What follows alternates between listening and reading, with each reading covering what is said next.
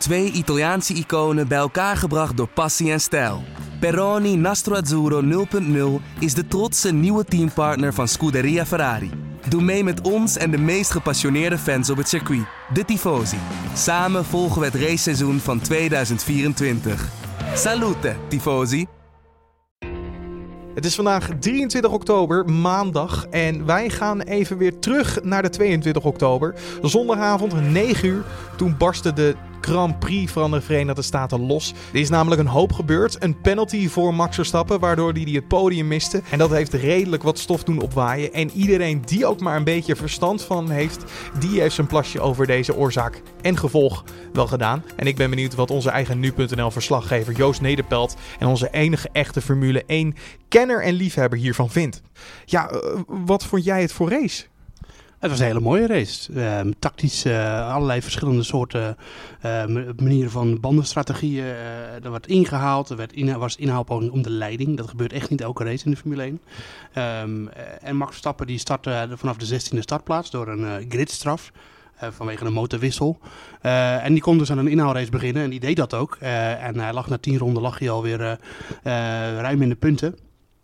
En uh, nou, door een, uh, ja, mogen we wel zeggen, aanvallende strategie van zijn team, Red Bull Racing, uh, kwam hij in de laatste ronde, nadat hij Valtteri Bottas van Mercedes al ingehaald had, achter Kimi Räikkönen in de Ferrari terecht. En die lag op dat moment derde.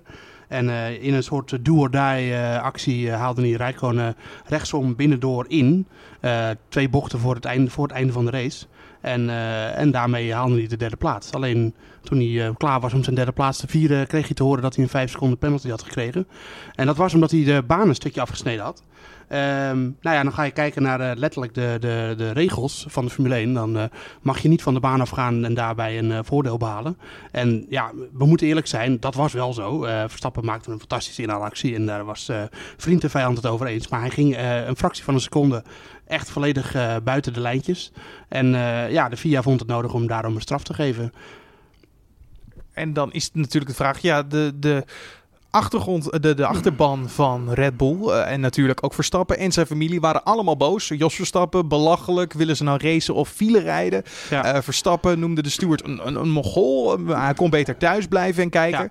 Ja. Um, uh, wat vonden anderen eigenlijk? Nou, uh, het was in ieder geval zo dat uh, zij zijn zelf gewoon heel boos omdat uh, dat de regels niet consequent toe worden gepast in hun ogen.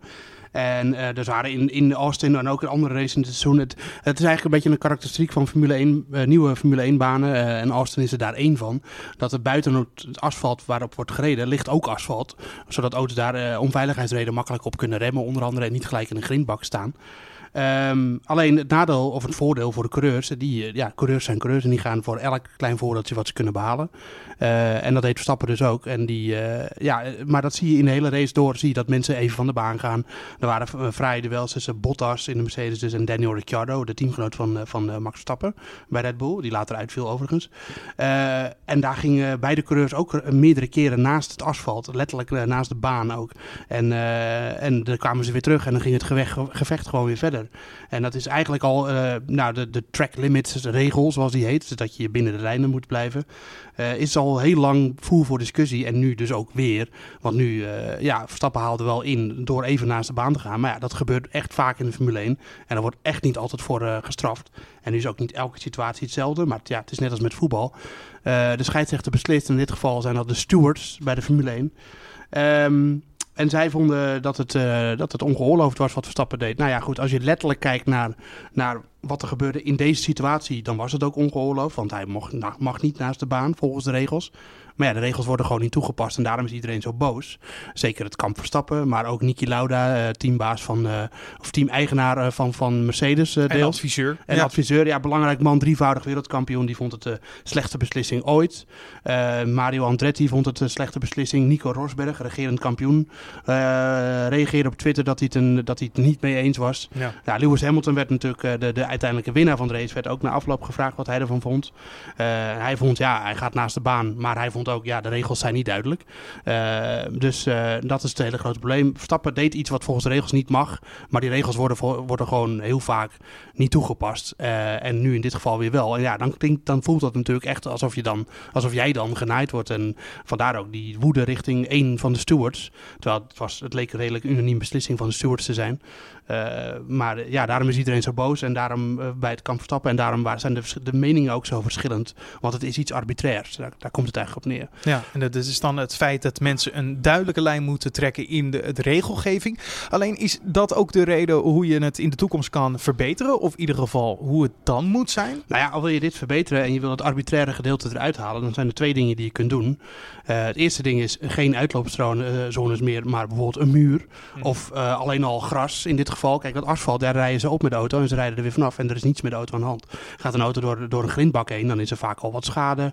Auto's, uh, er komt grind in, in luchtkanalen. dat doet een coureur liever niet. En dan zou, al zou daar op dat plekje waar Verstappen nu Rijkonen inhaalde en dus even van de baan ging, al daar gras gelegen. Of, nou gras had hij het misschien nog gedaan, maar al daar grind gelegen. Of een hele hoge curbstone, zoals je het vroeger ook zag. Dat zijn van die hobbels nou, ze hebben soms van die hobbels langs het asfalt.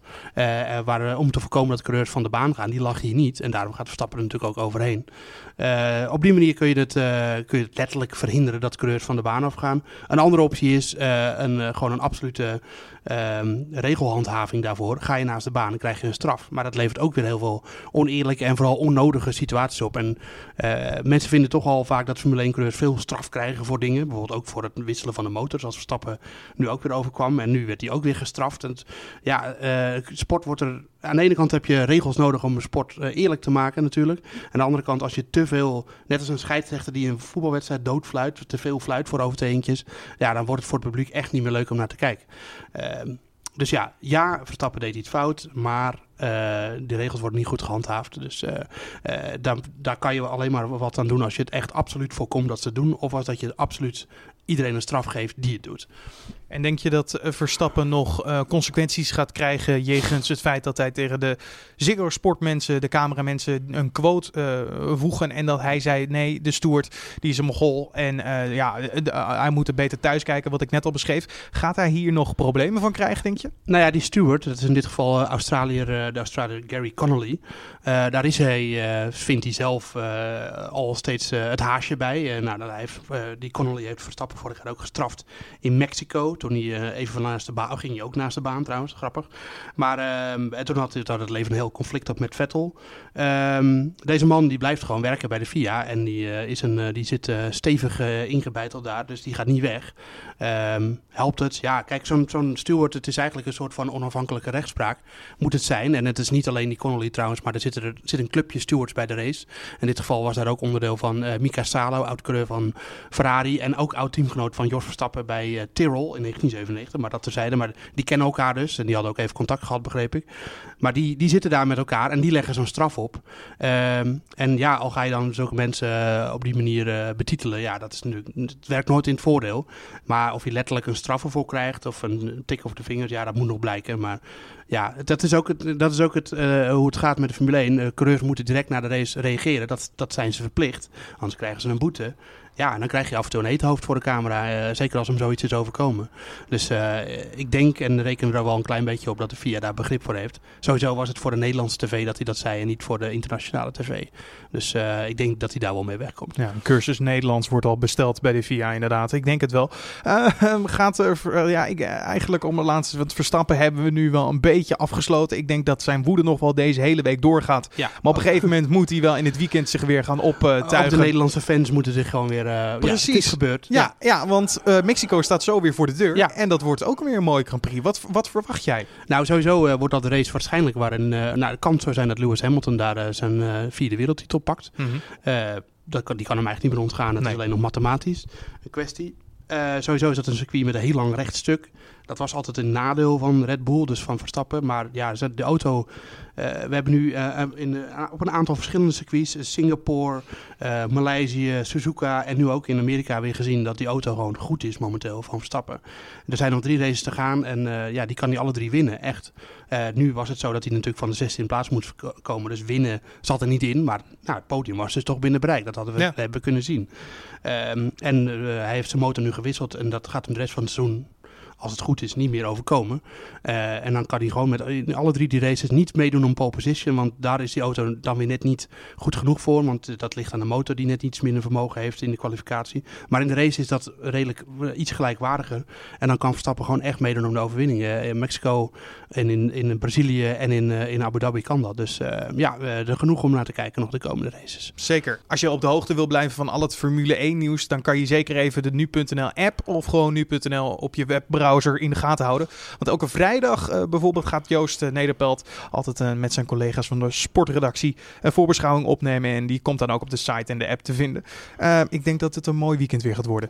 Het kan een heel mooi weekend worden, ja, tuurlijk. Het moet even meezitten allemaal. Maar uh, als Stappen gewoon uh, niet, te veel, niet te veel rare dingen overkomt en, en op een goede startplaats vertrekt, dan doet hij mee om de overwinning. Kijk, dat vind ik een hele mooie. Bedankt dat je naar deze pilot-uitzending hebt geluisterd van, ja, de, de nader bepalen pilot. Ja, de, de, podcast heeft nog geen naam, The Day After. Misschien een leuke. Misschien heb jij wel een goede titel voor deze Formule 1 podcast. En laat ook even weten wat jij ervan vindt. Vind je dit echt een top of vind je dit een flop? Laat het ons weten via de reacties. Uh, zet ook bij, heb je feedbackpunten. En uh, wij zijn mogelijk misschien binnenkort weer terug met een Formule 1 nieuwtje. Tot dan.